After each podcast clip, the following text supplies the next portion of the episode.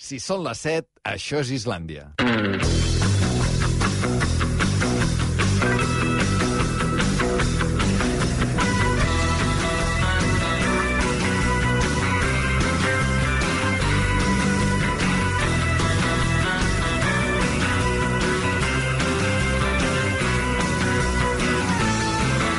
A RAC1 Islàndia, amb Albert Ong.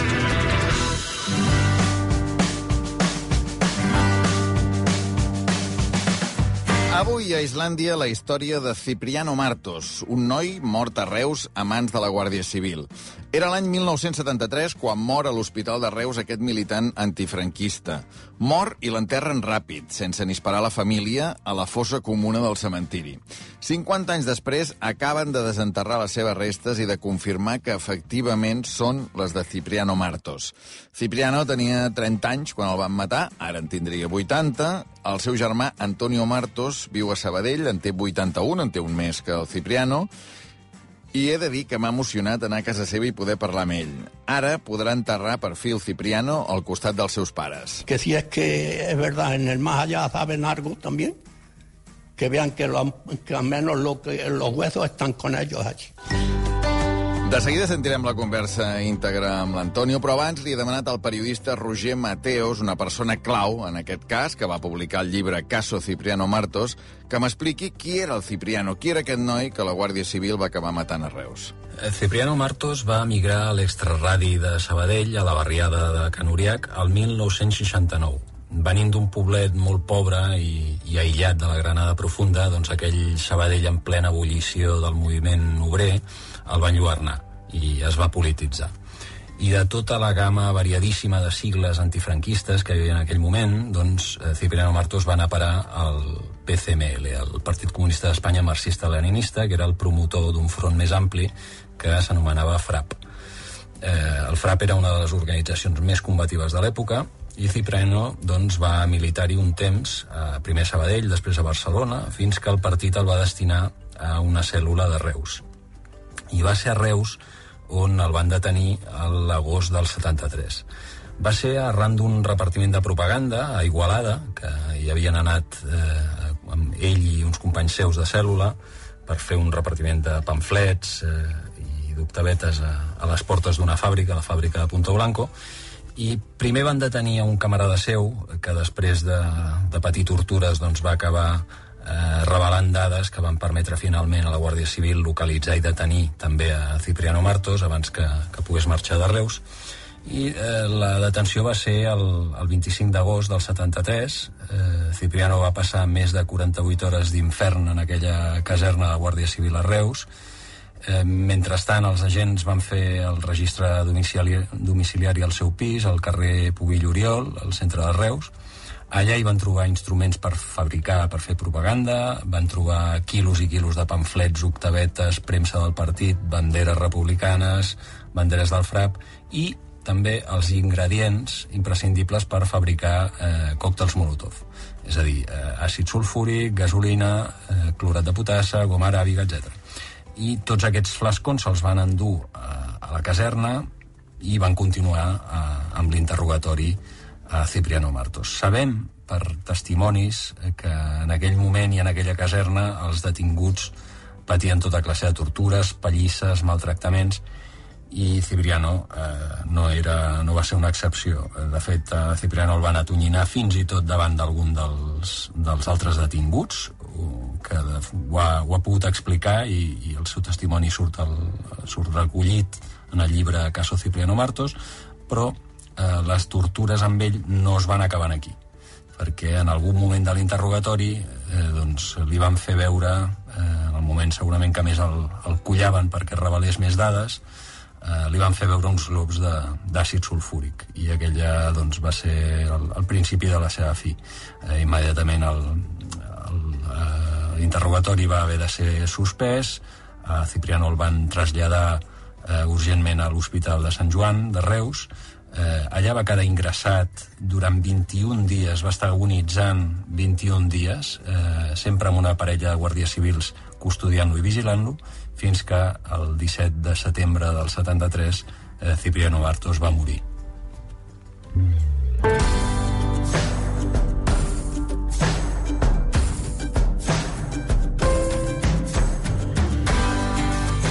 Investigació al llibre de Roger Mateos ha sigut absolutament clau perquè el Departament de Justícia de la Generalitat, en el seu pla de fosses, desenterrés les restes de Cipriano Martos i es poguessin acabar identificant. De fet, Cipriano haurà sigut la vintena persona que identifiquen en aquest pla de fosses des de 2016, eh, que s'ha pogut exhumar i veure que, des del punt de vista genètic i físic, quadra eh, que efectivament és la persona que s'estava buscant. Li hem demanat, per acabar, abans de sentir el germà, abans de sentir l'Antonio Martos, eh, amb el Roger, amb el Roger Mateos, que ens expliqués doncs això, com, com s'ha quedat ell després que el cas s'hagi resolt d'aquesta manera? Doncs ha estat emocionant veure com els treballs d'exhumació han culminat finalment amb, amb èxit i sobretot el que és reconfortant és saber que tot això eh, ho ha pogut veure i, i ho està vivint eh, l'Antonio, el seu germà, que és una, una persona que tant ha lluitat perquè el cas no caigués en l'oblit, que ha estat dècades i dècades esperant eh, que passés alguna cosa així i que, que tant de coratge hi ha, hi ha posat eh, fins i tot en els moments més, més complicats. És molt difícil que arribem a veure una reparació penal d'aquell crim, d'aquell crim i de tants d'altres que es van cometre llavors, perquè la, la llei d'amnistia del 77 blinda els responsables de totes aquelles atrocitats comeses durant la dictadura franquista, però bé, afortunadament en aquest cas doncs, hem pogut assistir a una reparació almenys moral o familiar o íntima que, que com a mínim permetrà a la família eh, doncs, endur-se les restes de Cipriano Martos i enterrar-les en el cementiri de, de Huetor Tájar, a Granada, al costat d'on reposen els seus pares, que no van arribar, per desgràcia seva, doncs, a acomiadar-se ni tan sols a veure el seu fill, eh, el cos del seu fill abans de ser enterrat. Doncs ara sí, sabent tota la informació del cas Cipriano Martos, què va passar al 73, què ha passat ara al 2023, m'han anat a Sabadell, al pis de l'Antonio, del seu germà, per poder parlar una estona amb ell. Jo crec que val molt la pena escoltar-lo amb l'emoció i la força que té encara l'Antonio i que és una conversa que val la pena sentir per tota aquella gent que diu que no cal mirar enrere.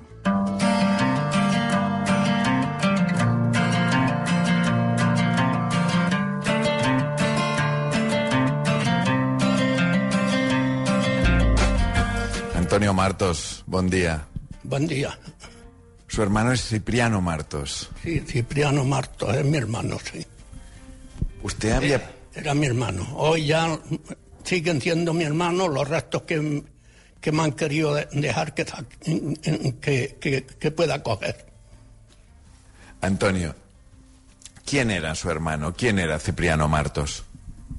Mire, Cipriano Martos era un cacho de pan. No le dice a lo más bueno un cacho de pan. Pues eso era él. Él estaba, antes que él, estaba todo el que se acercara a él.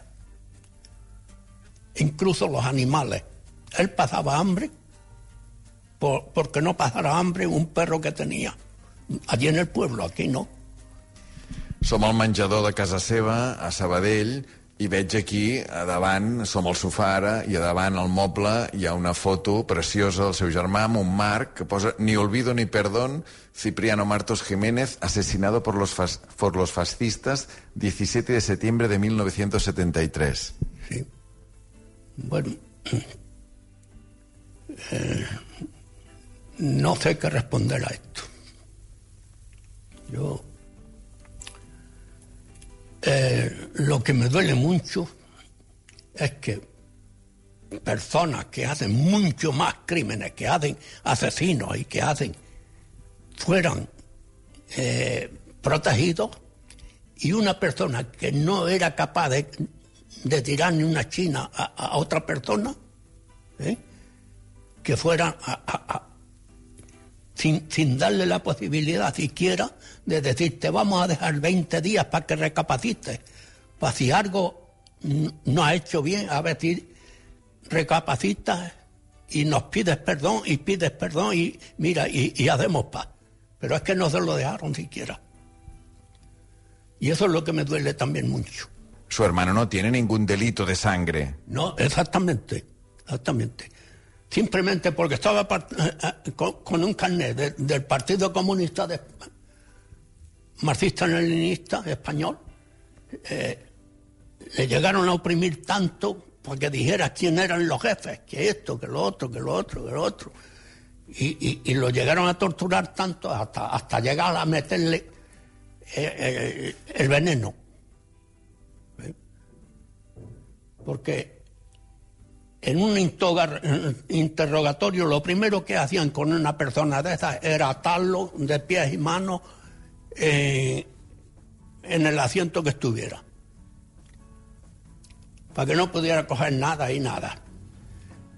Y, por eso vuelvo a decir, no fue despiste, fue a conciencia. Y, fue a conciencia porque él lo tenía atado seguro, de pies y manos en la silla, para que no pudiera mover un brazo.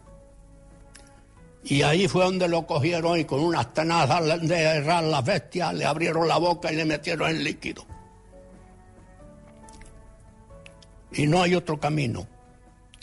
Y si hay otro camino, siempre lo he dicho, si alguno de aquellos vive y un día me dice, mira, pasó esto y pasó lo otro, y lo tuvimos que hacer por este motivo, por el otro, y yo pido perdón porque si no lo hago me cargan a mí también y me mandan con él. A esa persona lo perdono yo y después de todo lo voy a considerar como un hermano. ¿Usted cree que a su hermano lo mataron los guardias civiles? Sí. Sí. Y digo una cosa. Esos señores estaban puestos para que, según, según lo debemos de mirar, para que a ninguna persona le pasara nada. ¿Eh? Pero la dictadura dictaba, decía que no le pase nada a fulano y cetano y cetano, pero a los demás sí. Y eso es lo que pasaba. Si pudiera hablar usted con estos guardias civiles, ¿qué les diría? Yo les diría, si alguno de esos como estoy diciendo, de, de esos cinco, alguno viviera y me viniera a decir, mire, esto pasó así, así, así, y yo lo tuve que hacer si no quería que me mandaran con tu hermano. A esa persona la perdono yo. Al que no perdono es al que dio las órdenes. El gobernador civil de la región o el, el Capitán general. El capitán general, el, como el Martín Villa, como... El ministro. El ministro de Justicia. Todos esos fueron los culpables de que mi hermano muriera. ¿Usted había perdido ya la esperanza después de 50 años de encontrar a su hermano? Eh, no, no. Lo que había perdido es que yo imaginaba que lo hubiera encontrado posiblemente eh, desde el 85 al 95. Porque ya la cosa cambió, hasta el 85 estaba la cosa muy cruda todavía. Pero a partir del 85 yo ya esperaba que esto se moviera de, de diferente manera y que hubieran decidido de poderlo sacar pero han esperado 30 años más para que yo lo pudiera conseguir de esto. Que sí, que por poco, por poco, pues a lo mejor no hubiera, si lo guardan otros 10 años más, casi seguro no lo hubiera visto. ¿Qué supone para usted haber encontrado los restos de su hermano? Bueno, para mí ya al menos otra cosa no le puede hacer ya, pero al menos que, lo, poco que queda de ella, los huesos, los pocos que queden, pues al menos que mis padres quedaron, murieron llorando de pena de no haberlo podido ver, ni vivo ni muerto, y más teniéndolo ahí delante de sus narices como lo tuvo mi madre y mis dos hermanos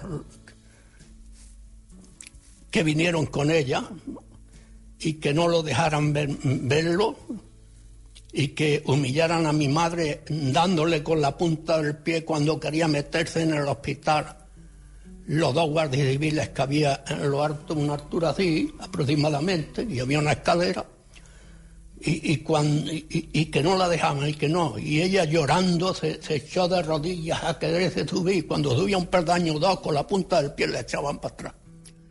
Mi madre sufrió en de qué pasó aquello hasta que murió estuve sufriendo. Siempre. ¿Y usted quiere enterrar a su hermano Cipriano? Junto, junto con mis, mis padres.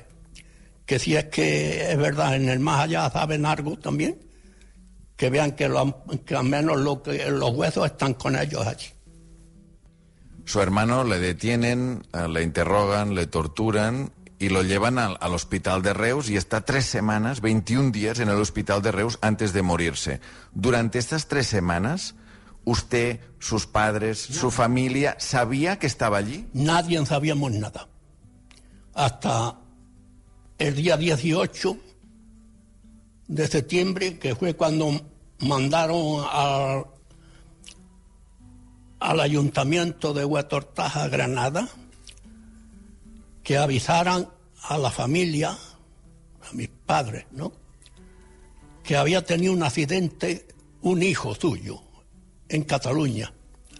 Mis padres no sabían si era yo o era él. Eso fue el día 18 de septiembre. Y ese mismo día, pues, le dijeron que se presentaran, bueno, que si venían que fueran a Reus. Y, y, y, así lo hicieron. Un vecino allí se ofreció con su coche traerlo, que trajo a mi madre y a mis dos hermanos. Y, y llegaron, y entonces fue cuando fueron allí y estaban los dos guardias civiles en lo alto de la escalera y le, le, dijeron a mi madre que se identificara. Cuando dijo quién era, y eso dice, usted no puede pasar aquí. Hombre, ¿cómo que no? Si mi hijo está muerto ahí, ¿cómo que no puedo yo ir a verlo? Pues no, señor. Y que no. Ah, mire, nosotros cumplimos órdenes. Y, ahí, y, y de ahí no había quien lo sacara. Eh, eh, eh, por eso he terminado de decir ahí un rato que a 20 metros allí, a lo mejor de él, y que no lo dejaron ver. Y todo eso es lo que se llevó ella de dolor. Decir, está allí delante de mí y que no me dejen verlo, muerto ni vivo. Vostè és el germà gran del Cipriano. El más grande soy yo. El mayor de los, de los seis que habíamos. O sea, usted ha cuidado siempre de Cipriano, incluso ahora, 50 años después de su muerte. Sí. Sí. Yo he cuidado de y he tratado de, de, de a ver si por alguna parte encontraba a alguien que me pudiera echar una mano. Antonio Martos, ¿cuántos años tiene usted? Yo tengo 81.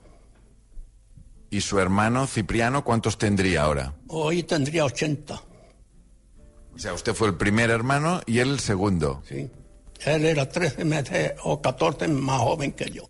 ¿Qué recuerdos tiene de cuando eran pequeños? Bueno, de, de pequeños, pues, ¿qué le voy a decir? De, de pequeños con 4 o 5 años, pues, jugar en el campo, montando los olivos, porque nos hemos criado en el campo, no, no en un pueblo. A, el pueblo más cercano de Huetortaja, 8 kilómetros.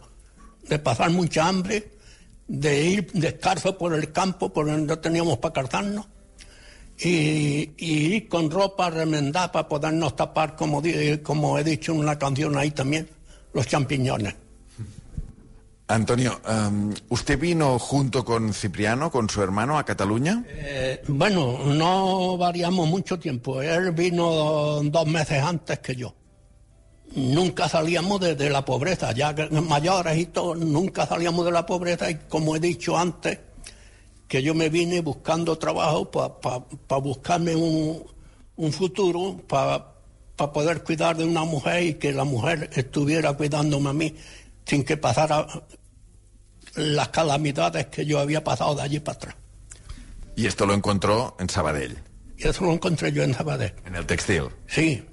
¿Y, ¿Y su hermano dónde trabajaba, Cipriano? Mi hermano, pues, pri primeramente se puso en, en, el torrente del Capellán, junto a, a la planada del pintor, que estuvieron haciendo un, un colegio y estuvo trabajando allí cinco o seis meses.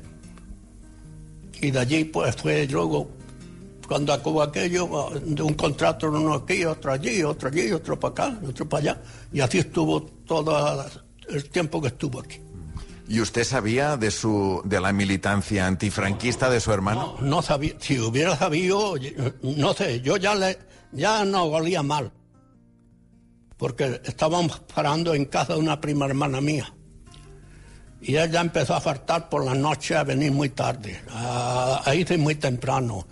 En fin, y, y ya no nos inspiraba que aquello no, no iba bien. Yo me casé ese año en el mes de julio, el día de- del año 73, en el mes de julio. Y llevaba seis meses sin saber dónde andaba. Y no pude ni, ni, de- ni enviarle una carta diciendo que me caso tardía para que estuviera en mi boda. Seis meses sin saber de. Sis mesos sense saber d'ell, es casa vostè el juliol del 73 i el setembre és quan el maten. Sí, ¿Está orgulloso, Antonio, de su hermano Cipriano Martos? Bueno, eh, yo sí estoy orgulloso. Mire, mi hermano era tan, tan, tan dócil, tan infeliz, y todo que en nuestra juventud tenía yo que estar siempre animándole a que tirara para adelante. Se divertían con él, diciéndole palabrotas, diciéndole que si esto, que si lo otro, o, o- o- o- lo mejor en el trabajo y estábamos labrando en el campo, íbamos en pareja así, haciendo fila, labrando el campo, y a lo mejor se le echaba uno encima y le pegábamos un empujón, hasta, hasta ver si se caía. Y, y, que le daban el empujón y caía, ya todo el mundo a reírse. Pues yo le decía, el que te haga algo, ¿eh? pues le, le metes una patada en el culo que, que lo tiras a él también. No, no te cobarde. Y, él pues siempre tuve que estar así. Después he pensado que no sé si por darle yo tanto ánimo con aquellos que querían aprovecharse de él, por reírse, si aquello le sirvió a él para luego encararse con, con el régimen. ¿Usted irá con los restos de su hermano para enterrarlos con sus padres? Yo la idea que quiero, lo que quiero es porque yo no estoy en condición de llevarlo. Yo ya no tengo tengo carnet de conducir todavía, pero no, no me autorizan ya por, por autopista y eso no, sino por vías eh, convencionales, por motivo del oído, que estoy muy mal del oído ya. Y, y no estoy en condición yo de coger un coche y llevarlo a Granada. Y yo lo que ya lo he expuesto es que lo que quisiera es que lo- los restos me los entreguen allí en el pueblo. Y estar mirándolo. Vamos a ver si, si es posible y ya mientras a ver qué pasa con lo del juez y si lo pueden arreglar de que me lo lleven al pueblo como sea. Acabo, Antonio. Ah, antes de empezar la entrevista me decía usted que no entendía el catalán. ¿Qué ha significado Cataluña para usted y para su hermano Cipriano? Bueno, para mi hermano Cipriano fue un- una injusticia lo que se ha ido aquí. Eh, No culpa de los catalanes. Eso, eso también lo digo. A los catalanes no le he hecho culpa ninguna, no al régimen que había. ¿Y para usted? Precisamente el régimen que había ha, hecho tantos crímenes como con Luis Compán, con Blas Infante en, Andalucía, con Federico García Lorca, con, bueno, tantísimos y tantísimos. Eso es por poner una muestra de- ¿eh? las injusticias que se hicieron con el régimen que había, con las 17 comunidades que, que hacen el conjunto de la España. Antonio, muchas gracias. para, para vosotros y os deseo mucha suerte para poder tirar a los cuatro vientos muchos años esto, que, que no volvamos a, a llegar a ningún punto como, como tuvimos en estos 40 años del franquismo. Y a Cataluña Ahora con respecto a mí, a Cataluña yo le tengo que agradecer mucho, porque aquí me he podido yo ganar mi, mi futuro. Vivir vestido y calzado, y aunque haya ta- tenido que trabajar también muy duro, ¿sí? Pero yo he sacado mi casa para adelante y me he ganado lo que tengo hoy, me lo he ganado. Y una pensión que gracias a Dios tampoco no es muy, muy pequeña. Yo lo tengo que agradecer a Cataluña. Y a, a los japoneses por haberme admitido también en su empresa a trabajar. En Nissan. Sí. Gracias, Antonio. Bueno, pues para vosotros y, y muchas gracias también. Y, y lo mismo, suerte para que cada día podáis, lo que sea injusto, lo podáis echar a los cuatro vientos, que el mundo sepa las injusticias que no, no en España entera, toda Europa y Alemania y digamos eh, Estados Unidos y todos los países del mundo se enteren de las injusticias que hubo en el Estado español.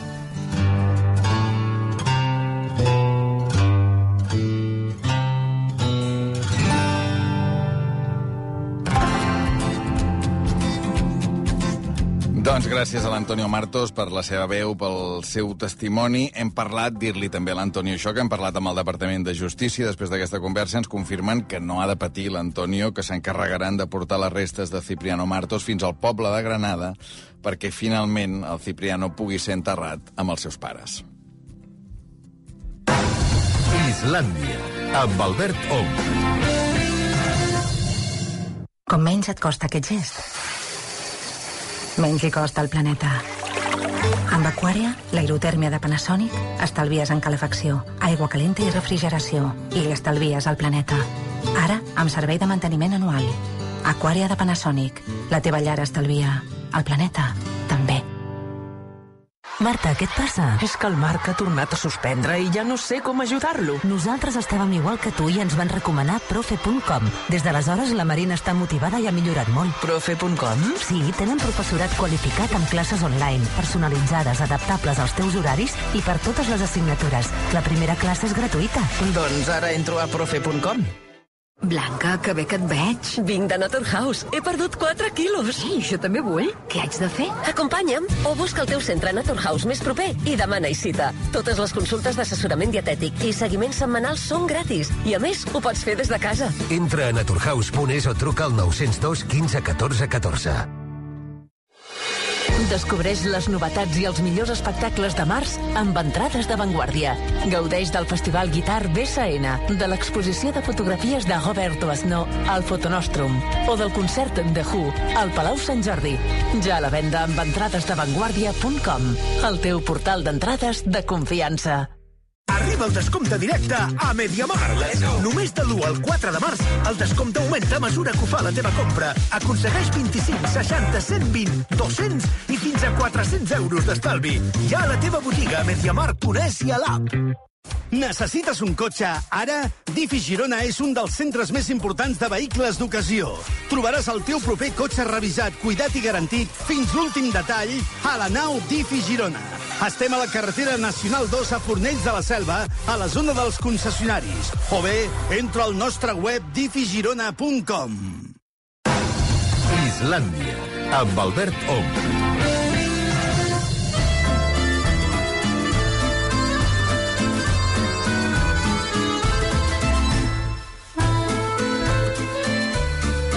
Arribant a dos quarts de vuit amb aquesta música parisenca. Anna Guitar, bona tarda. Què tal, Albert? Bona tarda. Em deia l'Anna que ben tornada a Islàndia perquè havies tornat un dia que no hi era jo. Sí, i avui no hi ha la Maria. Home, però això té solució. Això Sí? té solució. Sí, home, sí. Maria Xinxó, bona tarda. Bonsoir. Bonsoir, Com? Maria, com estàs? Jo amb tu ja, ja no, no diré res més en francès perquè sé que tinc les de perdre. No, Vaja, no, amb tots dir dos, amb tots dos. No, no, no, amb l'Anna, amb l'Anna tens les de perdre. Bé, avui ja ho sabeu que, que la Maria és a París aquests dies. Ahir va entrar amb el Xavi Bosch, que ens explicava doncs, que això, que la novel·la del Xavi Bosch passa allà i que s'han anat uns quants dies amb uns periodistes a recórrer els escenaris de, de la novel·la. Però avui li hem fet un altre encàrrec, Anna, perquè bàsicament ens fes dentetes, diguem, a nosaltres i a tothom que estigui escoltant ara, que es dius... Hosti, um, explica'ns un dia, de cada dia, Maria, a París. Oh. Doncs jo crec que serà fàcil fer-vos dentetes, eh? perquè jo diria que avui ha sigut un, un dia perfecte, no? un dia molt bonic. Eh, pràcticament jo m'ho he pres com un regal, no? això de poder passejar per París un dimecres, aquest primer dia de març, amb molt pocs turistes. Eh, realment hi havia molt poca gent al carrer, sobretot al matí. Era tot un luxe, no? Jo crec que també hi havia poca gent per diversos motius. El primer, realment, dia de molt fred. Dubto que quan ens hem despertat estiguéssim per sobre dels 0 graus, però a les 9, quan hem sortit a fer aquesta ruta no, pels escenaris que deies eh, per on passa la novel·la del Xavi, aquest 32 de març, um, jo crec que estàvem a un grau. Com a molt, hem arribat a 5-6 eh, al llarg del dia i sort del sol. Avui jo crec que s'ha complert allò de París, la ciutat de la llum, perquè n'ha fet moltíssim de sol, no ha parat en tot el dia, no hi havia pràcticament núvols, i l'anàvem buscant, us heu d'imaginar que la gent, no, no només nosaltres, sinó tothom que estava pel carrer, l'anava buscant i canviava de carrer eh, allà on, on hi havia el sol, cap aquí, cap allà, perquè ha sigut un dia de jaquetes cordades fins dalt. Podria mm, dir amb tota seguretat que he comptat les persones que anaven um, amb la jaqueta oberta, amb els dits d'una mà, uh, durant tot el dia, i una d'elles era una model que estava allà a la, a la Place Vendôme, eh, que ha passat un fred, pobre, per fer una sessió de fotografies amb un vestit verd que anava, que era meravellós, perquè la llum d'aquell moment era, era perfecta, no? l'escenari era ideal, però pensaves pobra noia, que s'acabi ràpid, que li donin la jaqueta i que es pugui tornar a abrigar, perquè ja et dic, jaquetes, bufandes, gorros... Eh, aquesta era una mica la imatge eh, del dia d'avui. Poca gent també perquè es veu que aquesta setmana els nens ha coincidit que tenen vacances escolars. Llavors, què passa? Que molts parisins aprofiten i diu, doncs ja que els nens eh, tenen vacances, et pots agafar vacances també de la, de la feina i te'n vas, marxes fora de, de París. Per tant, pocs turistes i poca gent de, de París. I els que s'han quedat, doncs, òbviament, és un dimecres, toca treballar, molta moto, molt cotxe amunt i avall, molta bici també, i això sí, eh, eh, ben abrigats, i eh, allò que es porta amb les motos, que és com una mena de manta que et tapa totes les cames, uh -huh. eh, pràcticament ho duien, ho duien tots. Ara bé, cap a les 4 de la tarda, quan hem sortit de, del restaurant de, de dinar, que hem menjat també al, a la prop de la, de la Place Vendôme, a un restaurant que el Xavi coneixia i que hem entrat un grup de 8 i hi havia taula, eh, que ens han posat a un reservat que semblava fet expressament per nosaltres, eh, doncs ja hi havia una mica més de gent pel carrer, podies veure les cafeteries plenes. Eh, aquella imatge tan d'aquí, eh, que és algú prenent un cafè en una d'aquestes tauletes rodones de marbre blanc, eh, assegut en una de les cadires trenades que només hi han aquí, que estan per tot arreu, no? i llegint un llibre. Jo, quan veig eh, això, és que això només passa a París, o passa molt més aquí, que, que a Barcelona la gent no la veus amb un llibre. Pots veure gent en una cafeteria, però està més aviat amb el mòbil, no? I aquí n'he vist mm, dos o tres que he pensat, dic, ostres, eh, si m'hi arribo a fixar, eh, no, no els veig en un altre, en un altre lloc. I he descobert una cosa que m'agradarà saber si sóc jo que no ho tenia gaire ubicat, perquè he vist que existeix des del 2000, des de l'any 2000, em sembla, eh, per tant fa uns quants anyets, eh, que és el Mur de l'Amor, Ah, a, a Montmartre. pensava que anaves a dir els euros. Dic, sí, sí, dic, home, dic, a París has d'anar amb euros ja des de l'any 2000, sí, sí. Sí, en principi sí. Eh, eh, hem pagat les coses que hem pagat, les hem pagat Amb- amb, amb euros, euros. i pensat, dic, mira que som moderns aquí a París, eh? El, el mur de l'amor, deies. El Mur de l'Amor. El coneixeu o no el No, coneixeu? jo Sí, jo ho he vist. Doncs eh, està a Montmartre, no? molt, relativament a prop de- d'on tenim l'hotel i de l'edifici, diguem, eh, on el Xavi s'ha imaginat els protagonistes, no? on hi passa doncs, gran part de, de la novel·la, hi ha aquest mur, el mur de l'amor. Um, és una, un mural, com el seu nom indica, no? de rajoles blaves, on hi ha escrites 311 vegades «T'estimo, amb 250 idiomes diferents. I un d'ells és el català, no? que posa t'estimo. I hem anat a, a buscar uh, tots, a veure ja si, si trobàvem el t'estimo, i ens hem fet la típica fotografia. Però, Eh, perdona, eh, que jo, jo no ho conec, no sé si l'Anna o la Maria... O sigui, això és la suma de gent que ha anat escrivint un a un, cadascú amb la No, seva llengua, o ja originalment ja, ja neix amb tots aquests idiomes, sí, eh? Correcte. Originalment neix amb, amb aquests idiomes. No sé si, si Anna, tu tens més informació, però jo crec que és No, no, això, no, no, és artista, això, no? sí, sí, ja, Sí. ja mm, són els, els idiomes de, de sortida, no?, diguem-ne. No sé si, Exacte. si hi havia gent que havia afegit, no me'n recordo d'això. La veritat és que n'hi ha tants que no sé si, n'han- si se n'han deixat gaires.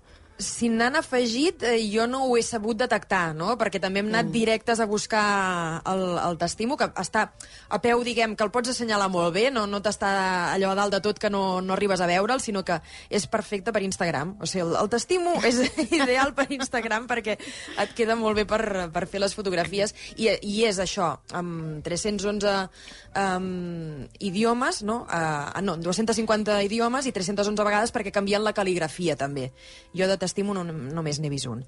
I ara sí que crec que també et faré encara més dentetes, a Albert, a Anna, suposo que tu també, però aquesta tarda, que havent dinat, no, que teníem una estona el Xavi Bosch segrestat amb TV3, que li estàvem fent doncs, eh, un reportatge, ens hem escapat uns quants a, al centre Pompidou, que no hi hem trobat tampoc cap, cap mena de cua, hem anat cap allà, tot i que dins realment estava planíssim, que jo he pensat, ostres, com es distribueix tota aquesta gent aquí dins, però vaja, eh, hem pogut entrar directes perquè hem vist que fora hi, eh, hi havia el cartell d'una exposició de Sergi Gainsbourg, i hem dit, home, home eh, allà de cap, ens n'hem anat, és una exposició que es diu Le mot exact, eh, és a dir, la paraula exacta, i explica una mica com creava ell, no? com era, eh, què li agradava, què li deixava d'agradar, com era la seva biblioteca, no? quins gustos literaris tenia. Per exemple, he vist que ell tenia un llibre sobre Salvador Dalí, i una cosa que a mi m'ha cridat moltíssim l'atenció i que he pensat, ostres, s'ha de ser tot un personatge per poder fer això.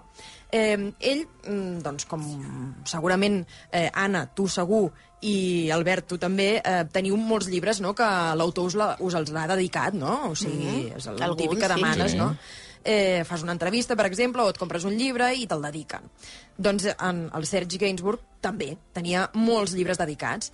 Doncs no sé què feu o què acostumeu a fer vosaltres amb aquests llibres, però ell tenia una afició que era arrencar la pàgina eh, amb la dedicatòria, es quedava a la pàgina amb la dedicatòria i llançava el llibre. Eh... T'he de dir que és un bon sistema, perquè jo ara no diré noms, però tinc llibres que em fan il·lusió per la dedicatòria, però que realment el contingut no m'ha acabat de convèncer, per dir-ho d'alguna manera, però realment el guardo. Potser hauré de començar a fer això de- d'arrencar aquestes primeres pàgines. És una tècnica, mira, aquí te la deixo. Gràcies, Maria.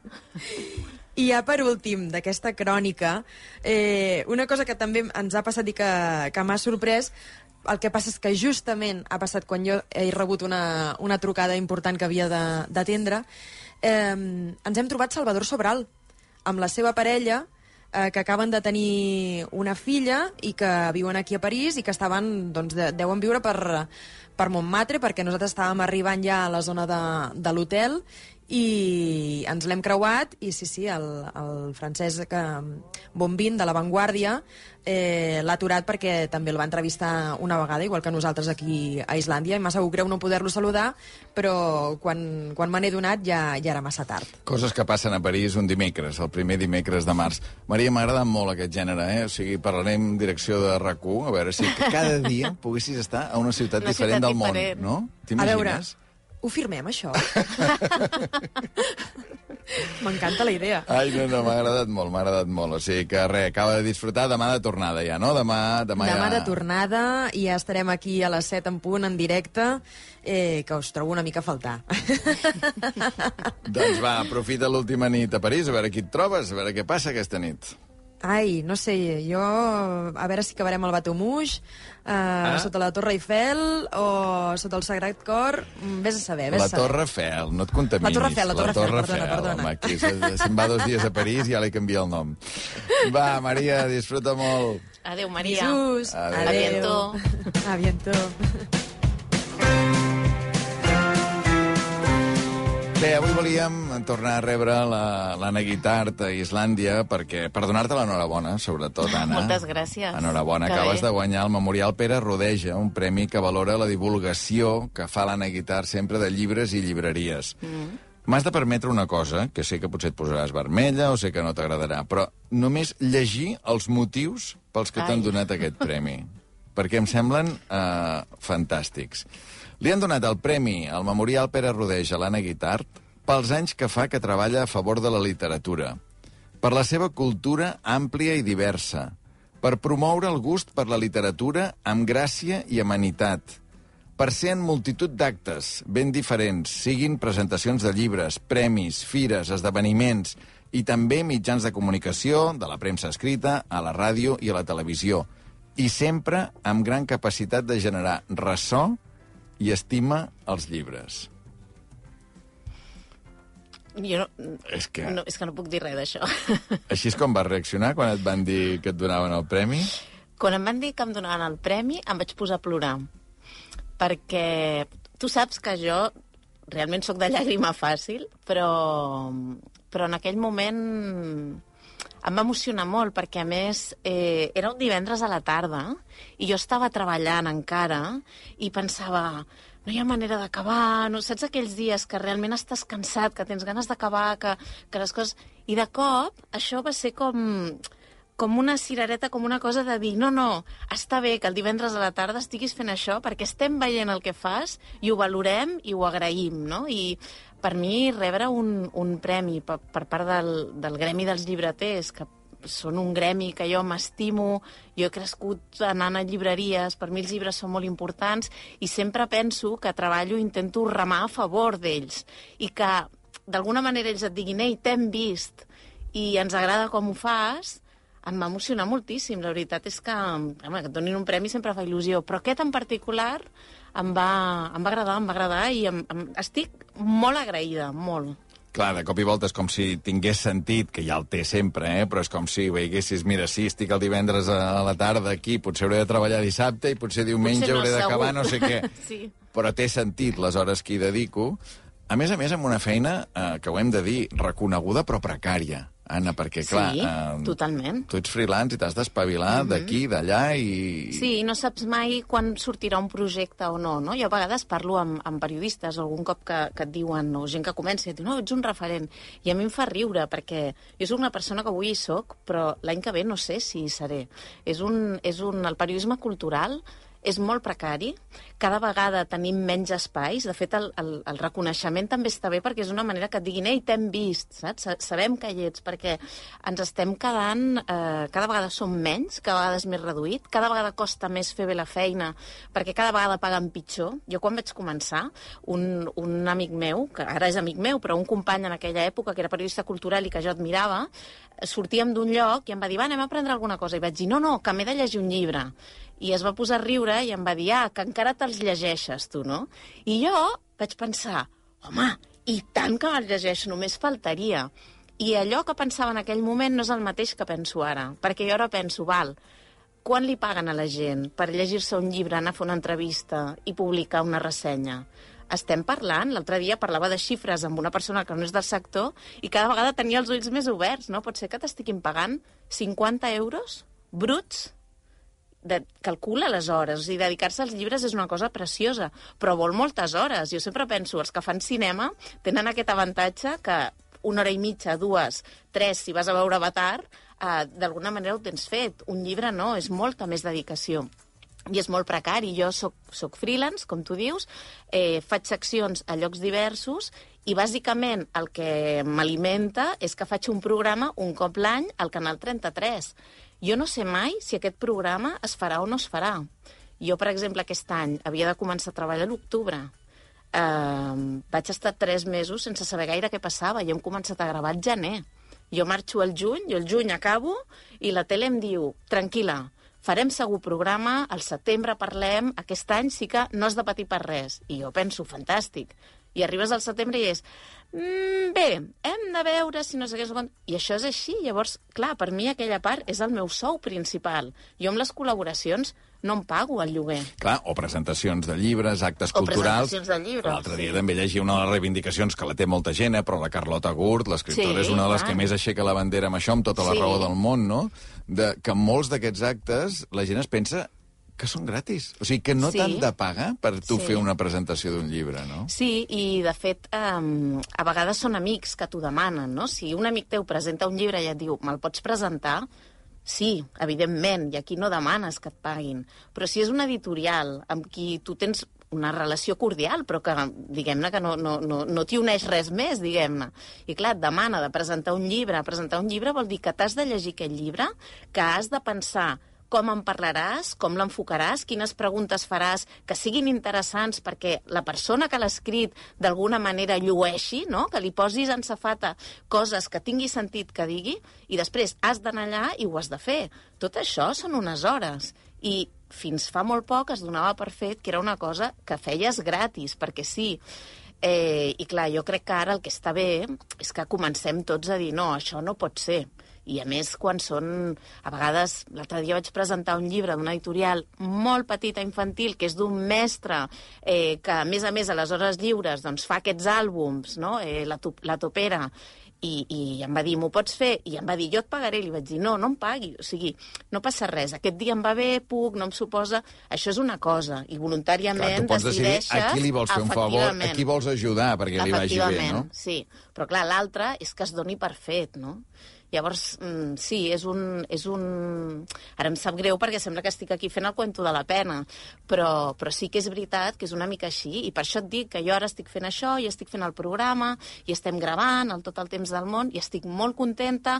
És un programa que es fa a la tele. Jo no sóc de la tele, que a vegades molta gent es pensa que sí, jo no. Jo treballo per ell, sóc l'única externa del programa, que em paguen molt bé, vull dir que si hi ha programa jo visc perfectament bé. El problema és el no saber mai, que no és una cosa única de la cultura, en sóc conscient. Vull dir, el fet de ser autònoms moltes vegades porta això, que no saps mai quan cobraràs o quan no. Però tinc la sensació que la precarietat en el món cultural eh, és cada vegada més gran i crec que també va molt lligat a això, que el, els espais de la cultura cada vegada són més petits perquè sembla que cada vegada interessa menys. Perquè, a més a més, té una cosa a veure que a vegades també te l'expliquen els taxistes, eh? salvant les distàncies de gremi, no? Però, clar, el taxista, que el taxi és seu, per entendre'ns, eh, si vol que li surtin els números, potser haurà de fer 12 hores al Mhm. dia, no? Sí. no? No les 8 hores que treballa Clar. altra gent, no? En el teu cas una mica el mateix, no? Diguem, clar, un autònom al món de la cultura, dius, no, no, he d'agafar més presentacions, he d'agafar més Clar. actes, encara que això vulgui dir llegir-me més llibres i estar-me a la matinada, Mhm. etc etc. I és una cadena que, si vols tenir els ingressos, no sé què, has de, has de fer molts més actes. Sí. Anna, tu quan vas entrar al periodisme cultural? Perquè tu vas estudiar comunicació audiovisual? Jo vaig fer audiovisuals. Jo volia ser periodista, això sí que ho tenia clar, però mai havia pensat que em podria dedicar al periodisme cultural. Sí que és veritat que jo veia el Toni Puntí i em feia una enveja, i de fet després vaig poder treballar amb ell a la tele, a un programa que es deia Tria 33, i a mi em va fer molta emoció estar fent el mateix que feia el Toni Puntí, que per mi és un referent, i que he de dir que és un gran company, i, i em va donar un consell que em va fer riure molt, perquè em va dir, et vaig a dir una cosa, jo pensava que m'obriria les portes del saber cultural, no? I em va dir, tu, per si de cas, ves sempre guapa i arreglada. I em va fer molta gràcia, li vaig dir, gràcies, Toni, doncs fantàstic, no? Eh, llavors, jo havia fet altres coses i em vaig quedar, amb un d'aquests anys de crisi, em vaig quedar sense feina, però vaig anar a un concert, vaig tenir la sort d'anar a un concert i a la cua del concert em vaig trobar a- al Ricard Ruiz Garzón, amb qui jo havia treballat a la, a la ràdio, i em va dir, què fas, tal? I, i havíem coincidit, ell, el Ricard sabia que m'agradava molt llegir i a més teníem una passió comuna que era Harry Potter. Llavors jo crec que això ens va unir molt i em va dir, escolta, estic treballant al Via Llibre, al Canal 33, i ens falta una persona. Vols venir? I clar, va ser una mica com a bodes em convides. I Això recordes l'any que era? 2000... Espera, deixa'm pensar, 2015... 2011, 2012? Uh -huh. Sí, 2012. Jo, jo crec que ara ha fet 10 anys que em dedico al, al, al periodisme cultural. I vaig començar aquest programa que es deia Via Llibre i que fèiem al, al Canal 33. Sí. I a partir d'aquí ha sigut una cadena i, ja no, i no te'n mouràs del periodisme cultural? Si depèn de mi, no. Clar, si depèn de mi, no, perquè a mi m'agrada molt, em sento molt privilegiada. Clar, a mi m'agrada molt llegir. Llavors, quan tu llegeixes, jo crec que una de les coses més, més, que omplen més de llegir és que quan acabes un llibre que t'ha agradat molt, tens ganes de parlar-ne als demés, no? de dir-li a tothom, llegiu aquest llibre. I clar, al final és el que jo faig a la tele. Quan llegeixo un llibre que m'ha agradat molt, perquè els llibres els puc triar bastant jo, per tant, eh, els llegeixo i després el que faig és una mica el que faria amb els meus amics, no? de dir-los, sobretot no us perdeu aquest llibre. Llavors, eh, si és per mi, jo vull continuar fent això. També em dóna l'oportunitat de parlar amb escriptors que admiro molt. I, I això també és molt privilegi. Jo hi ha una autora que m'agrada molt belga, la Melino Tom, i des de que soc, des de que jo crec que tinc 18-20 anys, cada any, quan surt un llibre seu, perquè publica un llibre cada any, cada any me'l compro, me'l compro de seguida. I clar, hi va haver un dia que la vaig anar a conèixer i li vaig poder dir soc periodista cultural, li voldria fer una entrevista, i va ser molt emocionant, perquè aquella persona que per tu, per mi era com un ídol, d'alguna manera, doncs es va convertir en una persona amb qui jo podia tenir una conversa. I clar, això és, és, és realment, jo crec, una situació de privilegi. T'he de dir que el teu començament a la tele no va ser fàcil, no?, el, tot el temps del món, perquè la primera entrevista, és a dir, va, començaràs un programa de llibres que serà una entrevista llarga amb un autor consagrat, pots entrevistar autors de tot el món, o autors catalans, és igual, però sí que siguin autors consagrats, no? I el primer dius, a veure, ja em me'n toqui un... Hosti, que tingui una entrada no, una no, mica... és que és pitjor que això, perquè el vaig triar no? jo. Ah, el vas triar tu? No, no, és molt pitjor. És Michel, molt pitjor. Michel Houellebecq, Mm. no? Dir, tot, Sí. Tots el tenim al cap, aquell Sí. escriptor francès... Mira, un No. moment, un moment de l'entrevista. Est-ce que vous croyez que ces peurs que vous décrivez euh, peuvent être à l'origine euh, de plus de foi, de- d'un retour un peu à la religion Ben... No. Després d'una pausa llarga. Sí, sí, sí, Déu-n'hi-do, no? Déu-n'hi-do començar amb l'Houellebecq. Aquí és quan començàvem a fer el programa Tria 33, que és la primera vegada que jo feia pantalla, que he de dir que faig pantalla en part gràcies a tu, Albert, perquè quan es va acabar el Via Llibre, es va acabar per començar el Tria 33, que llavors buscaven presentadors. I jo vaig pensar, ostres, no m'havia plantejat mai fer pantalla, però és que jo vull ser la que fa les preguntes, no vull ser la guionista que li prepara les preguntes a una altra persona. I em van dir, hi haurà un càsting. I jo pensava, em presento, i tu em vas dir, presenta, Tana, que jo t'hi veig... Que... I, i t'he de dir que, que t'ho he d'agrair, perquè realment em va ajudar molt aquesta confiança teva que una mica Mm. suplia la que jo no tenia. Llavors eh, vam dir, val, hem de començar una mica forts. I la que s'ocupava de veure qui venia i a qui triàvem era jo. Llavors vaig rebre un correu electrònic que just venia Michel Houellebecq. I t'he de dir que vaig estar unes hores pensant, ho dic o no ho dic? Perquè em feia pànic entrevistar-lo. És un personatge molt particular, per dir-ho d'una manera així resumida Clar, i però ràpida. t'ajuda una cosa, diguem, amb Michel Houellebecq, però mira, tinc un altre moment, eh, diguem, on es veu, aquí s'ha vist el teu francès i aquí es veu el teu anglès. I said, I don't know if you could hear it, that you were a feminist even when you were a child, even before knowing the meaning of the word feminist. Yes. Um, so when, when I'm asked when I Fixa la diferència, eh? Un et contesta no i l'altre et contesta sí, yes. m'agrada Vull dir que hagueu triat, sí, sí, sí. Però sí. el que vull dir és que és d'aquelles coses que dius, hòstia, que importants que són les llengües per guanyar-te la gent, diguem, no? Totalment. És a dir, totalment. l'entrevista amb l'Olebec, o en aquest cas amb la Chimamanda, diguem, veure l'anglès, veure el francès que parles, hosti, automàticament et dona una situació de poder en aquella conversa, un respecte sí. que et guanyes només per com et senten parlar aquella llengua, no? Sí, perquè és una manera de, de connectar amb ells molt diferent, jo ho dic sempre, i fins i tot quan ve algun autor castellà, no? que a vegades ens posem les mans al cap perquè l'entrevistador li ha parlat en castellà podent-li parlar en català.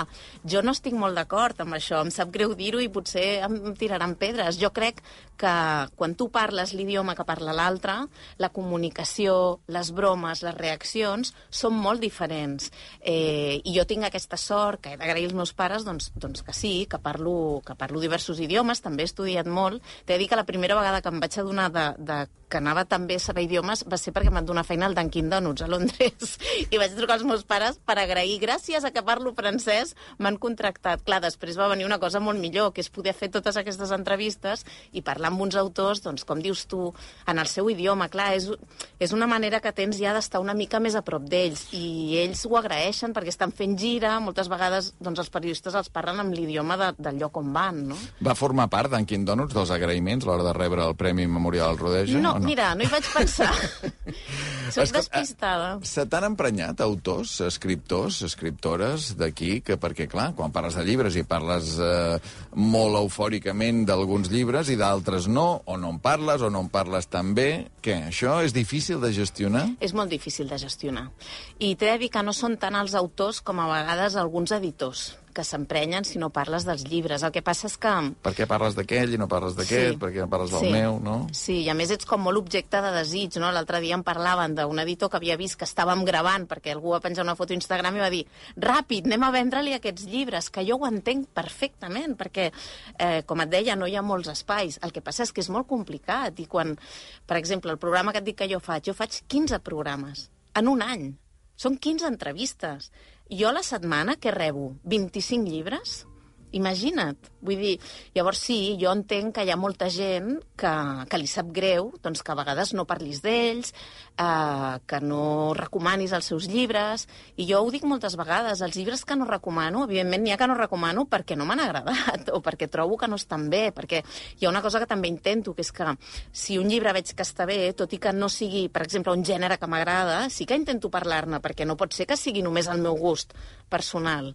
Eh, llavors, hi ha llibres que no, que no en vull parlar perquè trobo... Però hi ha llibres que es, estan molt bé i que m'han agradat molt i que no tinc espai on col·locar-los. Vull dir, nosaltres mm, fem una entrevista a la ràdio un cop a la setmana, tenim aquests 15 i ja està. Llavors, hi ha tants autors, es publiquen tantes coses, que és molt difícil donar veu a totes. I des d'aquí dic, perdoneu-me, o sigui, uh, arribo fins on arribo, perquè no, no és fàcil tampoc estar al dia de totes les lectures. Anna Guitart, qui llegeix llibres ara?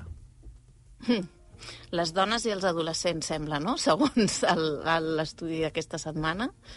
Sí, sembla que, sembla que llegim més, no?, que fa alguns anys. M'ha sorprès, t'he de dir, Albert, que, que comentàvem l'estudi dimarts, que la gent gran sembla que hi ha un moment que cauen els índexs de lectura, i m'ha sorprès, perquè quan jo faig presentacions o clubs de lectura, sempre hi ha molta gent gran, moltes dones. O sigui, el públic és més gent gran en els actes de presentacions de llibres. Sí, però en canvi les xifres diuen que potser no llegeixen tant, que hi ha un moment que se'n cansen. Més gent gran, més, moltes més dones que homes. Moltes més dones que homes, i una mica el titular era que qui salvava les xifres, que no són dolentes, i crec que estem un pèl per sobre de la mitjana europea, eh, eren els adolescents i, els, i les dones. Mhm. Sí, sí, sí. El mòbil el tens sobre la taula, sí, però el tens una Sí. mica lluny. Això és el gran enemic ara mateix del llibre, són les sèries, què és? Perquè, clar, el prestigi cultural... És a dir, jo veig moltes converses, diguem, amb amics, amb companys de feina, no sé, hòstia, has vist aquesta sèrie, has vist l'altra, passo la primera temporada, Mm. la segona... Em costa més sentir-ho això amb llibres, no? I potser fa uns anys, eh, diguem, aquesta cosa, aquesta prescripció cultural eh, funcionava més amb els llibres que no pas amb, amb les sèries. O és el mòbil que és incapaç de la gent de trobar la concentració perquè està mirant Instagram, TikTok o Twitter? Jo crec que hi ha un tema de concentració que és important i crec que cada cop eh, volem les coses més breus, més ràpides i, i aquesta cosa dels diaris, no? que a mi em molesta moltíssim, eh, que és que et diuen quant temps trigaràs a llegir aquell article. Eh, ho trobo horrorós. O sigui, deixeu-nos en pau, saps? O sigui, llegeix, i si trigues 5 o 7, o... però ja t'està condicionant, i si veus que posa 1 o 2, te'l llegeixes, però a partir de 4, aquell article amb sort li poses un favorit i penses, ja el llegiré. Evidentment no el llegeixes mai. Llavors jo crec que això, evidentment, ens ha afectat. Però, però també crec que a vegades fem aquesta dicotomia no? dels llibres i les pantalles que crec que aquí ens equivoquem una mica, perquè, per exemple, els joves llegeixen a vegades molt per pantalla i sembla que els que portem com som més grans, per dir-ho d'alguna manera, ens sembli com que llegir així no és llegir. I jo crec que aquí també hem de fer un esforç. És a dir, els llibres físics són meravellosos. Jo crec que hi ha pocs objectes millors que un llibre. I a mi la sensació d'agafar un llibre, d'obrir-lo i, i, de, i de tot el que m'espera és una cosa que jo no canviaré mai per un, per un e-book. Però no, el canviar, no ho canviaré jo, però entenc que hi hagi gent que ho faci. O un Són- audiollibre. o un audiollibre, mm -hmm. que a més els audiollibres eh, cada vegada tenen, un, tenen més bon nivell, estan més ben fets, i la veritat és que jo crec que és un mercat que creixerà. Però també hem de veure això, no? Què vol dir llegir? Què, què, què, què li diem que és llegir? Hem, jo crec que aquí hem d'obrir una mica. I, evidentment, a veure, veure una sèrie és molt més fàcil, no? Segons com. Però, vaja, amb la pandèmia també va, va, va créixer, no? La gent es va posar a llegir més, va haver-hi com una mena de retrobament amb aquest acte tan, tan fantàstic. Deixa'm que ho torni a dir. Anna Guitar, Memorial Pere Rodeja, aquest premi que dona el Gremi de Llibreters pels anys que fa que treballes a favor de la literatura, per la teva cultura àmplia i diversa, per promoure el gust de la literatura amb gràcia i amenitat, per ser multitud d'actes, també mitjans de comunicació, i sempre amb gran capacitat de generar ressò i l'estima als llibres que avui has tornat a demostrar que ens ha fet molta il·lusió que vinguessis a Islàndia. No, m'ha fet una il·lusió bestial tornar, i això d'estar asseguda sense haver hagut de preparar res, Sense també cap trobo paper davant, bé, no? també està bé, també sí, està sí, bé. Sí, sí, Mira, sí. ho hem quadrat, les 8 en punt. Anna, que vagi molt bé. Moltes gràcies. Islàndia, amb Albert Ong. Les 8 i 4 minuts. Joan Torres, bona tarda. Ens posem al dia amb el Joan. Queda vist per sentència el judici a Laura Borràs. En la seva darrera intervenció, la líder de Junts ha mantingut que és innocent i s'ha presentat com una víctima de la persecució política. Aquesta causa està vinculada a dues passions que expliquen qui sóc i com sóc. Les lletres catalanes i la lluita independentista. I no hi renunciaré. No hi renunciaré mai, perquè seria com renunciar a mi mateixa. I vull que quedi clar que no he malversat ni defraudat mai També ha denunciat una campanya contra ell, ha culpat des de la Fiscalia, els altres acusats que hi han arribat a un pacte i de retruc Esquerra i els altres polítics que la van suspendre com a presidenta del Parlament, també els mitjans de comunicació. Borràs s'enfronta a 6 anys de presó i 21 d'inhabilita- d'inhabilitació. Qui segur que no entrarà a la garjola seran els altres acusats després que la Fiscalia els hagi rebaixat les peticions de condemna a canvi de confessar. I atenció, perquè sembla que les petrolieres es van embutxacar una part de les ajudes per abaratir els carburants. Sí, és la conclusió d'un estudi fet eh, avui per un grup d'economistes. Diu que les petroleres van encarir el preu del combustible per poder guanyar més els mesos que el govern espanyol va estar subvencionant els carburants. De fet, tot i que la rebaixa era de 20 cèntims per litre, l'informe conclou que a Espanya la gasolina es va encarir 6 cèntims més que als països on no estava subvencionada. El document detalla que aquestes empreses van obtenir més de 730 milions d'euros de benefici addicionals aprofitant-se de la vinentesa. I novetats sobre el carnet de conduir, Brussel·les vol que es pugui obtenir als 17 anys. Tot i això, fins que no es compleixi la majoria d'edat, és a dir, 18 anys, el conductor hauria d'anar acompanyat sempre d'un adult de com a mínim 25 anys i amb 5 anys d'experiència. És una de les mesures de trànsit que avui la comissió ha posat sobre la taula. També vol que es creï un carnet de conduir digital i únic a tota Europa d'aquí a un any i mig. Aquest es posaria, posaria fi al de plàstic que tenim tots ara. I a banda, es planteja que els primers dos anys que es té el permís de conduir la taxa d'alcoholèmia permesa sigui zero. Finalment, es vol crear un nou mecanisme per assegurar-se que les multes es paguin independentment de l'estat on es posen. I és que ara 4 de cada 10 sancions d'aquest tipus es queden sense pagar. Gràcies, Joan. Que vagi bé. I els esports, Roger Saperes, bona tarda. Hola, bona tarda, Albert. Estava llegint el, el titular de la primera notícia que vols explicar i m'ha fet pensar en aquella frase que deia sempre José María García, políticament incorrecta, que ara el Barça està en aquell moment que montes un circo Sí, i te crecen... Los enanos, Los eh? enanos, efectivament. A veure, el Barça, atenció al titular, afegeix un nou dubte pel partit de demà, Andreas Christensen. Sí, ho han avançat els companys de relevo, ho hem pogut confirmar també a rac El central danès ha rebut un cop al turmell en l'entrenament d'avui i hores d'ara és dubte per ser titular demà en aquestes semifinals de la Copa al Santiago Bernabéu. Recordem que el Barça té les baixes confirmades de Pedri, Dembélé, Lewandowski, cap dels tres no ha entrat a la convocatòria. Sí que ho ha fet Ansu, tal i com explicàvem ahir, i també Christensen, tot i aquest cop. L'altra novetat és el jove del filial Stanis Pedrola. Aquest migdia, roda de premsa de Xavi, previ al partit, relativitzant el suposat mal moment de l'equip després de les derrotes a Manchester i Almeria. T'ho he resumit en aquestes tres respostes de Xavi. Yo creo que llegamos bien. Claro, si nos centramos en los últimos dos partidos, llegamos eh, que estamos en el hospital. Pero si nos centramos si nos centramos en dónde estamos, pues yo creo que la película está siendo bastante buena. A l'ai, ai, ai, l'únic que ens pot aportar són coses negatives, no? Nosaltres hem de pensar en positiu, a pensar que tenim una oportunitat d'or de guanyar Lliga i Copa. Si ganábamos en Almería era mejor, la mejor puntuación de la historia de la Liga. Se ha dicho poco esto, ¿eh? Se ha dicho poco. Per tant, eh, fins a cert punt traient eh, pit Xavi també de l'actuació de l'equip aquesta temporada. Pel que fa al Madrid, Ancelotti també ha donat la convocatòria, podrà comptar finalment amb Rodrigo, Cauen, Alaba i Mendy lesionats. Ha dit Ancelotti que arribats a aquest punt donen importància a la Copa i li han preguntat si creu que Barcelona s'ha posat en marxa el famós cagòmetre. El cagómetro, el no sé qué es de verdad. I aquí ho ha deixat eh, Carlo Ancelotti. El M'agrada molt l'Ancelotti, eh? Sí, sí, dir sí. que és un... Li tiren de tot. És superelegant, eh? Exacte, Sí, i no, no, no surt mai del, del seu guió. El partit demà a les 9 de la nit. A veure, un parell de punts per aquesta nit. Sí, avui a partir de les 9 l'altra semifinal de la Copa al Sadar Osasuna Atlètic de Bilbao i en bàsquet des de les 8 tenim en joc un partit clau de l'Eurolliga femenina a Salamanca. Perfumeries Uni Girona. Les catalanes han de guanyar si volen ser als quarts de final de la competició. Gràcies, Roger. De res, bona tarda. I el temps, Abel Caral, bona tarda, ben tornat. Bona tarda, gràcies, molt Com amable. tens el turmell, aquest esquins? Sí, doncs mira, encara una mica dolgut, eh? Allò que depèn el gest que faig, depèn com arrepengi, arrepengi el peu, doncs encara em noto una fibladeta.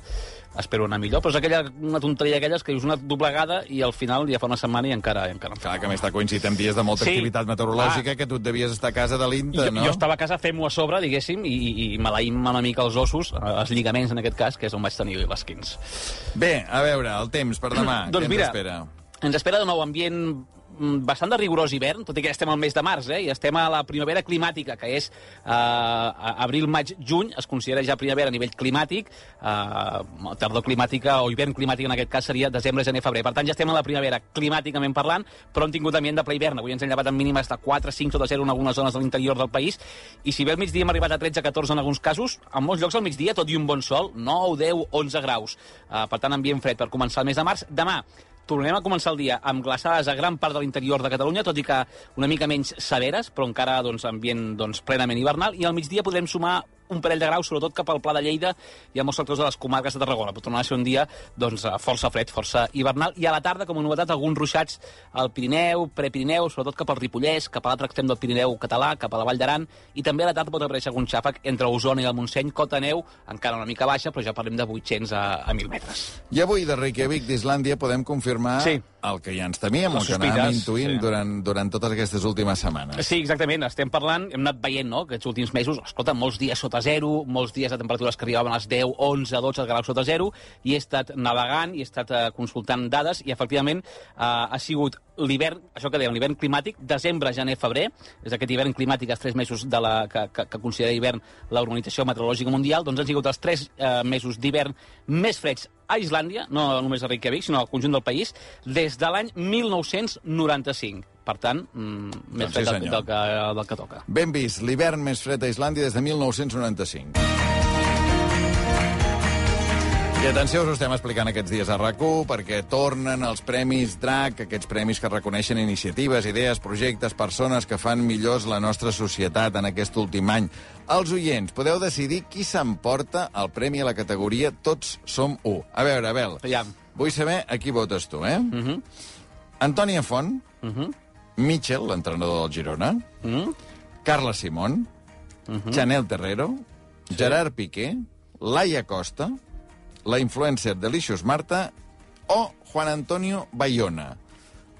Has d'entrar a rac1.cat, pots guanyar una tauleta electrònica pel teu vot, que seria per, per El, qui? el meu vot seria per Mitchell, l'entrenador del Girona. Seria per l'entrenador del Girona. Doncs perfecte. Mira, l'altre dia en Fel també va dir el mateix. També, de, eh? de moment que sapiguem va guanyant Va 2 a guanyar- 0. va guanyant.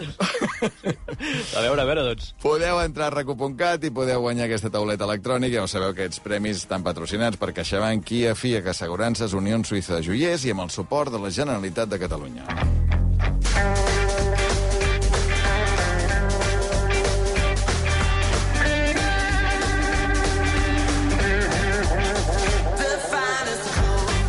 Tres minuts i un quart de nou. Els que manen. Avui acabarem retratant un altre personatge, la vida i miracles d'una d'aquestes 50 famílies que mouen els fils de Catalunya amb el periodista de Nació Digital, Pep Martí. Pep, bona tarda. Hola, bona tarda. Albert. El Pep amb el Miquel Macià van escriure aquest llibre, el anem desgranant setmana a setmana. Avui triem un empresari eh, d'una populari popularitat relativa. Ell no és la persona més coneguda del món, la seva marca sí que és molt coneguda, i és, eh, ja que l'altre dia parlàvem d'això de la gent de bé, el nostre personatge d'avui, creus que seria gent de bé? Tal com ho deia en Feijó, no. No, Probablement no. no quadraria dins de l'estàndard de, de gent de bé. Ara ens explicaràs per què. Avui, Joan Font, avui el bon preu, eh? a, a la secció del Pep Martí. Per on vols començar, Pep? Home, és un cas, eh, allò que deies ara de la gent de bé, bastant, eh, bastant particular, perquè és un home que dins del que seria la cúpula econòmica, dins del gran diner, és dels poquíssims, trobaríem molt pocs més que d'una manera molt desacomplexada s'ha proclamat independentista i sense cap problema i, i sense ambigüitats. Eh? Jo no repassava ara els, el, tots els altres noms, n'hi ha molt pocs que hagin estat tan, tan clars amb això. Vilacases, sí, que ho ha dit més una vegada, però així al davant d'una empresa i tal, hi hauríem d'anar potser alguns de la Fundació FEMCAT, que plega alguns empresaris de vinya clarament filosobiranista, el Sumarroca, els Carulla també com un perfil molt, molt clarament catalanista, però vaja, d'una manera tan clara com ell, poquíssims. Uh -huh. uh, Dedicant-se a això, a la distribució, l'alimentació, el bon preu, esclat, no? les gasolineres també, esclat, oi? Que és un altre negoci que ha anat i que va començar eh, el personatge de Torelló, Osona, i comença al poble del costat de Torelló, la, la història del bon preu, diguem, no? Bueno, ells comencen, a... de fet, és una família de bacallaners de Torelló. Bacallaners de tota la vida, els pares es dedicaven a això, el pare feia mercat i la dona estava a la botiga. Uh, bacallà i tenia una botiga d'ultramarins, per dir una mica, una mica de, de, de, de, de botiga de tot. Ells comencen... M'agrada molt, eh, aquesta terminologia, ultramarins, perquè, clar, d'on ve ultramarins? D'ultramar, no? Volia dir, quan productes que arribaven de, me, de, del més enllà, no?, de l'altra banda, no? Era el carrer del Pont, crec que es deia, de, de Torelló. Allí va començar, i aleshores ell va començar tocant el negoci, eh, acompanyant el seu pare, però quan, a partir dels 9 anys, eh, eh, ajudant-li a posar les parades doncs, del, dels mercats, sobretot de Tona i de Manlleu, i després doncs, el pare anava a altres mercats, però de petit va començar. Era una família, per tant, que tenien uns mínims recursos, però no massa. Eh? Va ser després, a partir d'un viatge que ell va fer quan tenia 18 anys per Europa, amb uns amics de Torelló, que va començar a descobrir això dels autoserveis, no? de les botigues, doncs, sobretot a França, també a Itàlia, però crec que el primer viatge el va fer a França. Això li va cridar l'atenció. Els, els supermercats, no? Això devia ser doncs, molt a finals dels 60. El primer viatge crec que el fa al 69. I aleshores li diu al seu pare, home, això podríem intentar eh, fer-ho nosaltres. El pare no veia massa clar, però així van començar i a partir del 74 comencen a instal·lar-se primer a Manlleu, després faran a Vic i finalment ja a Barcelona i van extenent una xarxa que ara ja s'ha convertit entre els, els hipers d'esclat i els de bon preu pràcticament 180-190 establiments al Principat. A Catalunya, el seu territori és Catalunya. Catal... Diguem, eh, també seria dels pocs casos, suposo, d'aquest llibre dels que manen, que sí. tots els diners, per entendre'ns, Sí, per- tota la inversió s'ha concentrat a Catalunya. Perquè és una autolimitació total, això, no per un sector com aquest que podria anar més enllà. És veritat que ell ha penetrat fora eh, a partir d'algunes adquisicions que ha fet de- de- d'algunes altres, altres marques del mateix sector, Intermarché, eh, Orangutan, i llavors aquestes sí que estan presents fora de Catalunya. Però moltes vegades havien dit, no, home, si estàs a Lleida, arribar fins a Saragossa és relativament fàcil, però ell s'ha quedat aquí. Ara aquí sí que va per totes, eh? I ara en el sector està ja frec a frec amb el principal competidor, que és Mercadona, del el valencià Juan Roig. Però ara ja està, els últims anys, el dia està trepitjant els talons clarament. Eh? Quan ja que va- ha, ha superat a Dia, ha superat a Condis, a Capravo clarament, Quan dius que va per totes, diguem, quina seria la marca Bon Preu? O què ha fet d'especial els germans Font primer, després en parlarem, no? En Joan i el Josep, ara el, Mm. el Joan amb el número 2, que és la seva filla, l'Anna, no? Mm. Però què han fet d'especial a Bon Preu? Ell el que sempre explica és que ell l'únic que ha fet és agafar les, les regles tradicionals del comerç i mm, portar-les, diguem-ne, a la màxima excel·lència, no? Productes de qualitat, ven molt la idea de productes arrelats, quilòmetre zero, eh, botigues ordenades, donar molta importància a la higiene i donar molta importància a l'atenció al client, que és una cosa que ell s'hi fixa d'una manera, de fet, presencial. Eh? Perquè encara que l'Anna, la filla, eh, és com la directora comercial i a efectes pràctics la número dos, ella està al peu del canó. Eh? Qui porta el control de, de, qui comanda l'empresa encara és, és el Joan Font avui amb 72 anys i fixa molt um, i en això del tracte també ha estat, mm, això sí que el fa encara més particular amb el tema de la retolació i el tracte eh, en la llengua, en català, no? Això fins i tot, ell s'ha adherit a totes les campanyes, diguem-ne, en defensa de la llengua catalana al comerç, amb la campanya Parla'm en català, sisplau, això, amb això sí que està molt conscienciat. Fixa't, una entrevista, sentim un moment que deia Joan Mm. Font en una entrevista al maig de 2020 al diari Ara. Nosaltres ens hem de guanyar els clients no per una bandera, sinó per ser més eficients que els competidors. sigui qui sigui els competidors. I nosaltres hem de tenir botigues a tot arreu d'aquest país, a tots els barris i a totes les poblacions. Eh? Perquè nosaltres no, no demanem que ens vinguin a comprar per, per, per, perquè algú pensi d'una manera o d'una altra. No, no, nosaltres volem que ens vinguin a comprar perquè ho fem millor millor que els competidors. I els ciutadans que triïn el que, la botiga que vulguin anar. Darrere d'aquest posat i bonomiós eh, hi ha un caràcter de, realment de ferro, eh?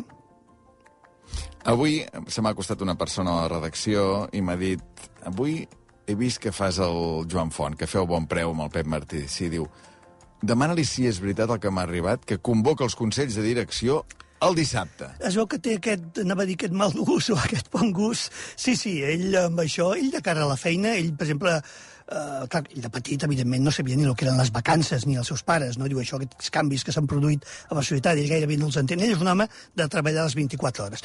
Fixa't que eh, ell no pot estudiar batxillerat superior. Ell, eh, quan fa 12 o 13 anys, ja, ja, ja saps prou a l'escola cap al negoci. Això per ell genera, li genera una gran frustració, ell vol seguir estudiant, el pare no li deixa, i al final li diu, escolta, pare, i em deixaries estudiar de nit? El pare diu, ah, sí, sí, sí, de nit vols estudiar, però a les 5 del matí t'aixecaré cada dia.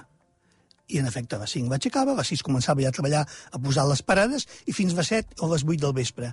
I després se n'anava a una acadèmia a Manlleu, estudiar professorat mercantil, que era el més similar en aquells moments, que això estem parlant de anys 60, a el que podia ser unes ciències empresarials. No era exactament el I segons ell era una formació dolentíssima la que rebia. Però bueno, li va donar un cert instrument doncs, eh, acadèmic. Però això de nit, és a dir, de 8 a 11 a l'acadèmia i després de dormir i aixecar-se d'hora. I creus que això explica que convoqui consells de direcció Home, el dissabte, ell, no? Per ell, per ell eh, escolta, és bastant despietat amb, amb les exigències amb, el, amb, els, amb els que treballen amb ell i és una persona que des de petit va entendre que l'esforç era una cosa essencial per tirar endavant el negoci. Clar, però aquests valors tradicionals, aquests valors de l'esforç que molta gent ha mamat en aquest país, si no els combines amb una visió de futur i una visió de negoci, vull dir, llavors no serveixen no serveixen gaire per res, segurament, no? Vull dir, s'han d'entendre eh, des dels dos punts de vista. Ja que parlaves de petit, tinc un altre fragment del Joan Font, en aquest cas és un digital de, de Torelló, on recorda també un moment seu de petit. Recordo una anècdota, jo estava malalt, estava al llit, tenia febre, i, i el meu pare, diguem no ens venia a fer companyia massa sovint, salvo el diumenge, que és el dia que no treballava, no? i el meu pare, jo recordo una febrada d'aquestes que quedaves al llit, i deia, tu què vols ser de gran? Eh? Jo, empresari. Home, empresari, què dius ara? No sola darrere no no som més que una llanterna de la porta del jardí que creies tu la frontera sols lo La gent deu dir què, què fa del Roger Mas aquí enmig d'aquesta d'aquesta secció parlant del, del Joan Font. Tenim l'explicació, Pep, de què fa el Roger Mas amb, aquesta, amb aquest plus ultra? Ell és, eh, venera el Roger Mas quan, quan musica el Verdaguer. Que no sé si... Eh, moltes de les peces de, de Verdaguer del Roger Mas estan gravades precisament a Vilajoana, que és el, el mas, la, la residència on mossèn Cintus va refugiar els últims anys de la seva vida, a Collserola, mm. i on va morir. Mm. I el Roger Mas que les va gravar En tot cas, eh, això que Joan Font s'ha proclamat admirador tant del Roger Mas com músic als poemes, com també del, del Poveda, musicant eh, poemes de, la- de la Maria Mercè Marçal. Jo deia això, eh, que, clar, dos germans, Joan Font i Josep Font. Això hi va haver un dia que, que es va acabar. Què, què va passar aquí, exactament? El pare els hi va deixar el negoci, el va partir per la meitat, amb 50%, i va funcionar durant un temps fins que van acabar xocant. Els dos són caràcters molt forts. Uh, sembla que Josep és un home d'un caràcter molt més, més discret, més, més, més, potser més apocat, o aparentment apocat. Però van xocar sembla que el, el punt de fricció més important va ser què fer amb els beneficis. Eh, I tenien aquí dues cultures empresarials diferents. El Josep creia que els beneficis de cada any s'havien de repartir els dividends entre, entre els dos accionistes. I, en canvi, el Joan Font, seguint el que és una mica que ha estat la línia imposada finalment a, a bon preu, creia que el que es havia de fer era tenir... Els dos tenien un bon sou, però en lloc d'embutxacar-se els beneficis, reinvertir-los pràcticament tots en el negoci. Així que van arribar a un enfrontament tal que bé, va passar advocats, van haver de fer una valoració de lo que valia la, la, la companyia, que el Josep exigia, fe, feia una valoració a, la, a cap dalt, l'altra cap baix, i al finalment el Joan li va, li va comprar el 50% per més d'uns 300 milions eh, d'euros. Però fixa't si va arribar la cosa tan malament que al final ni es parlaven, llavors les negociacions ja, ja eren entre el Joan Font i l'Abel Font d'Or, que el, el, fill, el fill del germà, que aquest sí que, de fet, eh, s'ha convertit en els negocis que ha seguit el Josep, que ha invertit en moltes startups i en tot tipus de negocis, agències de viatges, etc. Doncs el fill del, del Josep s'ha convertit una mica en el, en el que porta el pes del negoci. En canvi, en el cas del Joan, qui porta el pes a bon preu continua sent el Joan. Eh? Mm -hmm. Amb la seva filla, amb l'Anna, La no? filla, que ara eh? és la, la número Sí. 2, però el Joan continua amb més de 70 anys al capdavant d'aquesta història d'èxit, que és bon preu, que comença això com amb els bacallaners de, de Torelló, després un primer supermercat, per dir-ho així, a, a Manlleu, no?, a mitjans dels anys 70. I que ara està ja a la llista de Forbes. Ah. Per primer cop ha sortit a la llista de Forbes dels més rics d'Espanya, que està amb, la, amb el 89 o 90 posició. Al Mundo ja havia, ja havia sortit. Eh? A Forbes és la primera vegada. A vegades aquests noms apareixen un any i sembla que és que sigui perquè s'hagin fet rics a l'últim any. Perquè no és això així. sempre dius que no saps mai què compten exactament, és no? Si ha la molts- valoració de l'empresa... Clar, és que hi ha, molts, hi ha molts noms aquests que simplement no apareixen perquè estan fora del radar en algun moment i després de cop i volta, que és el cas que ha passat amb ell amb Forbes, no? Però vaja, és una, Però for- vaja, és una fortuna important. Més enllà d'això, quants treballadors té ara, bon preu? En aquests, ha anat increixendo, eh? Ara ja superen els 8.000, eh? És molt, eh? És molt. La facturació última que jo tinc dades, que és del 2021, són 1.700 milions eh, de facturació. Clar, clar, són dades importants, 1.700 milions, més de 8.000 treballadors, i això que deies, no?, amb aquesta cosa que el fa diferent ideològicament, tinc un altre, un altre moment que el podem escoltar, és de la mateixa entrevista aquesta que deia abans del, del diari Ara, on parla de, de, de què passaria si un dia Catalunya tingués el, el seu govern propi. Em sembla que l'aspiració de que un país que sigui governat per un govern que tingui les necessitats del país, que és diferent d'altres, ni millor ni pitjor diferent, doncs és una cosa que seria d'esperar. Jo vull, jo, jo, jo hi confio, eh, que, que si un dia aquest país eh, es pot governar per ell mateix, doncs el govern d'aquest país legisli a favor de l'estructura que li convingui eh, i que dediqui els recursos a lo que li convingui, eh, a recerca, a universitats, no sé, a lo que, es- a lo que es cregui. Pep, a veure, tanca'm això, va, un, un últim minut. Bueno, és un, realment, pel seu posicionament i el seu coratge polític en aquest sentit, és un heterodox. També ha tingut els seus fracassos, va, es va ficar més paner i allò va anar molt malament, i també va ser les contradiccions, ha tingut problemes amb els sindicats, actualment estan negociant el, un conveni perquè Bonpreu no té un conveni propi, això fa que des del sindicat se va criticar molt per tenir unes condicions laborals més dolentes que altres, que altres competidors del sector. No? Ara estan en, en una situació d'una certa tensió amb sindicats. Però vaja, va, Bonpreu és una història, una història d'èxit i de compromís amb la terra, en aquest sentit. No? Mm -hmm. Els que manen, el capítol d'aquesta setmana dedicat al Joan Font i a Bon Preu. Uh, Pep, la setmana que ve més. Moltes gràcies.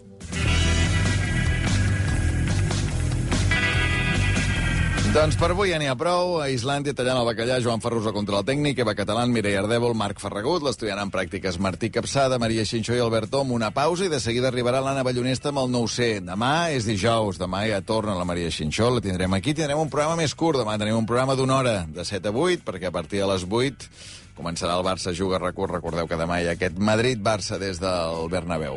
Que vagi molt bé. Bona nit.